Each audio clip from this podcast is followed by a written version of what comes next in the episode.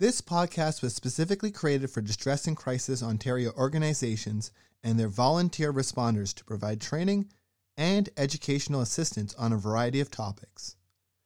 As information evolves and changes, these podcasts are meant to offer ongoing support with the goal of updating them on an ongoing basis.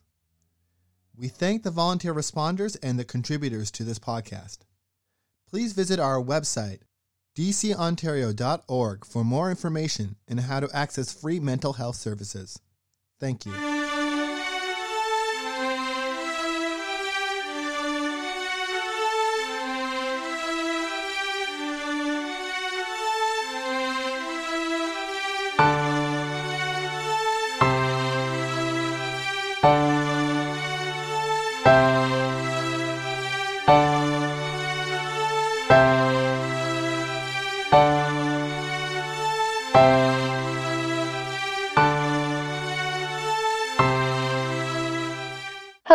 My name is Caitlin Plant, and I am the Program Manager at Distress and Crisis Ontario. We're glad to have you join us. Today, I am once again sitting down with my daughter to talk about mental health from her perspective and to learn from her how we can all do better to speak to each other about mental health. As always, I will not be sharing her name to protect her privacy, but I am very grateful to her for being willing to have these conversations with me. Hello. So, the first episode we did together was on COVID 19 and the impact that it's had on you and your classmates over the past couple of years. One of the topics that came up in that podcast was how the pandemic had negatively impacted your outlook and anxiety levels. I'm wondering how you're feeling now, so close to the end of your first quote unquote normal year post pandemic.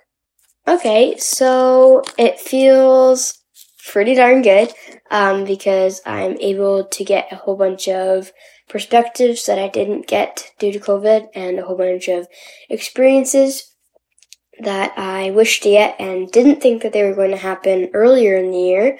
Um, and yeah, we actually got a graduation this year, which I'm excited for, but no one actually thought it was going to happen.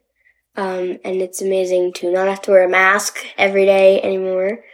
Um, so my educational experience has changed, but definitely in a positive way, which Mm-hmm. I greatly appreciate. And I know another thing that's been happening that you've been enjoying as well is that you're able to do extracurriculars again. yeah. Uh, you do an after school group now on one day a week, and that's been a good thing for you. And hmm yeah, I think it's safe to say that you're feeling a lot better about things these days. Yep. Yeah.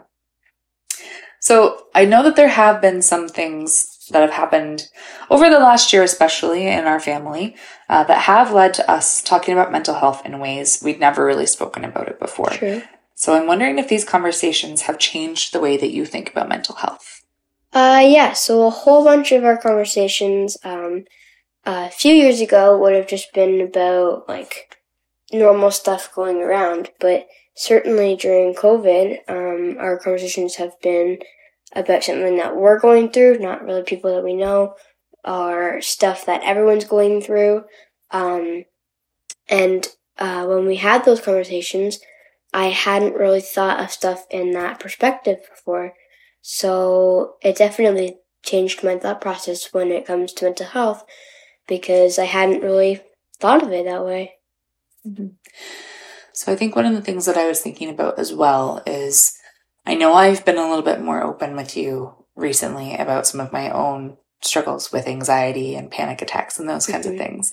And we've had a few more maybe honest conversations about what that's been like and that's led to some questions from you and and some different I think you kind of rethinking how you deal with your own anxiety in some ways. Mm-hmm. And and what have those conversations been like for you?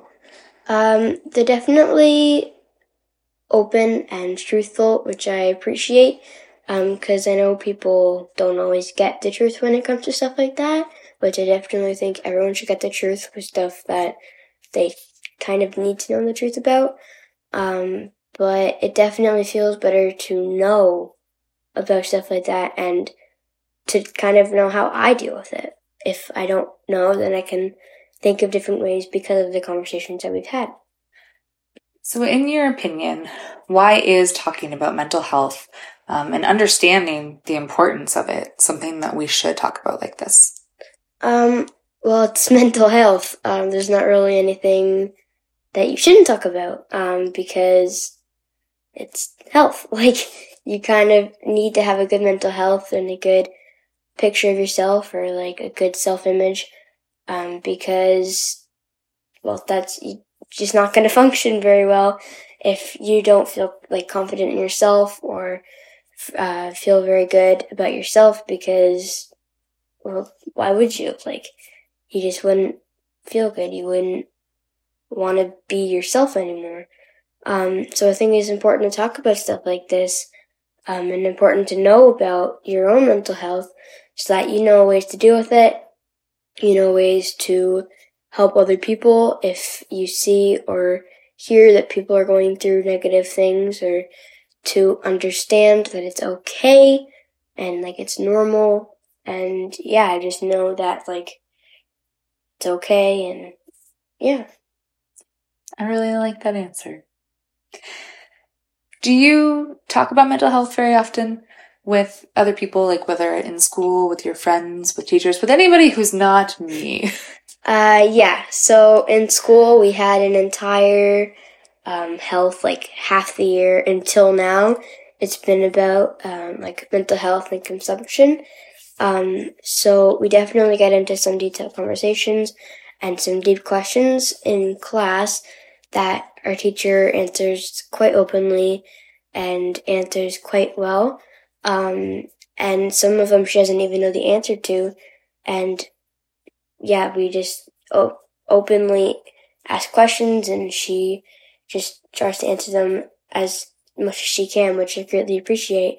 Um, and we actually have a school counselor who comes every other Thursday um, for if any students, I think kindergarten over, need anyone to talk to because sometimes talking to your parents, if you're not as close as we are, is quite difficult.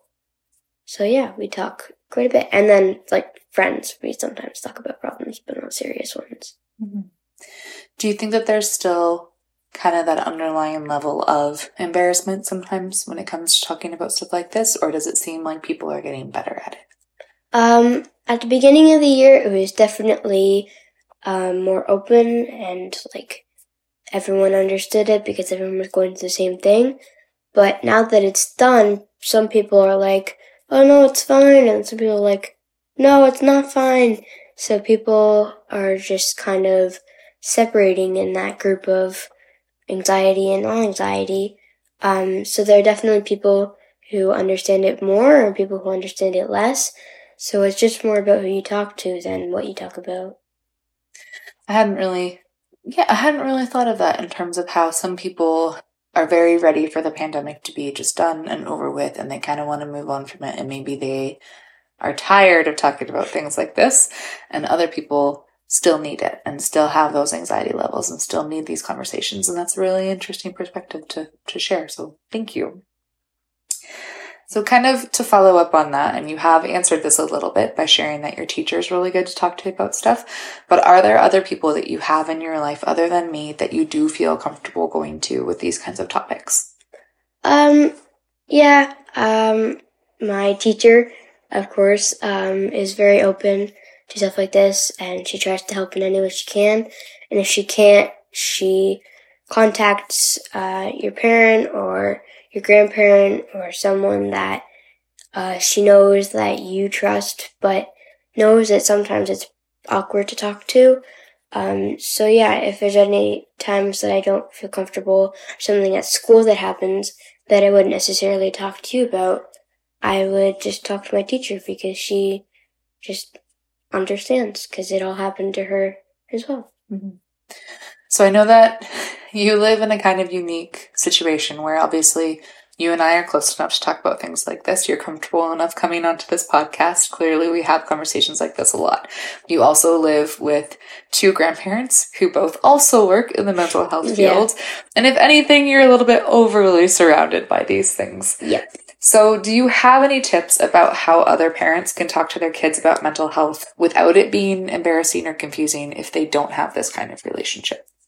Um, just, I don't know, honestly. Um, I don't really get put in a situation where it's awkward very much anymore. Um, but what I would say is that you let them kind of come to you because when it's awkward or um, more uncomfortable for them, then they're just going to kind of like panic, um, especially if it's a younger child um, who doesn't really know how to express their feeling yet, um, especially because there's not really one feeling for mental health. There's a whole bunch of different things um, that I don't even know about yet um, that some people can still get. I think that the parents just have to be patient and let their children kind of get ready to like feel more open and feel more ready to talk about it before they kind of push into it. Mm-hmm. For someone that didn't know how to answer that question, that was a very good response. Thank you. So, what do you think we could be doing better, yeah, in schools, at home, or just in general to keep helping kids feel comfortable to have talks like this? Uh, I don't know. I my school is pretty great at helping uh, children in any situation, um, and parents. There's stuff that parents and children can both do together or separately. Um, yeah, so just schools uh, helping families in need, or just talking to students. Um, pulling them aside if they notice like strange behavior and just yeah, just having people to talk to is one of the best things. Yeah. As we kind of begin to wrap up this conversation, is there anything that you'd like to ask me about mental health right now? Anything that's come up in this conversation or a question you've just wanted to ask lately? Not really. No. All right. Anything else you'd like to add before we go? Nope. Well, thank you very much for having this conversation with me. No problem.